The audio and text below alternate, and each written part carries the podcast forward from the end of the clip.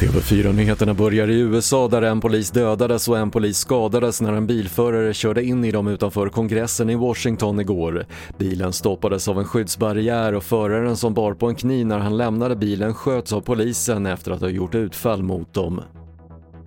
Efter svåra tågolyckan i Taiwan har åklagare utfärdat en arresteringsorder för en platschef på ett bygge varifrån det arbetsfordon som orsakade olyckan kom. Minst 50 människor omkom i tågolyckan som är en av de värsta i landet.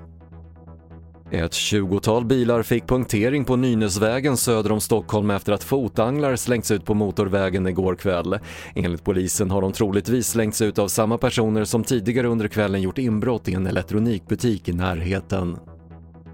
Och till sist sport. Det blev premiärförlust för lag Edin i curling-VM i Kanada. Svenskarnas jakt på tredje raka VM-guld inleddes med en förlust mot Schweiz med 7-8 efter en skiljeomgång. Och nu väntar USA i nästa match som spelas senare idag.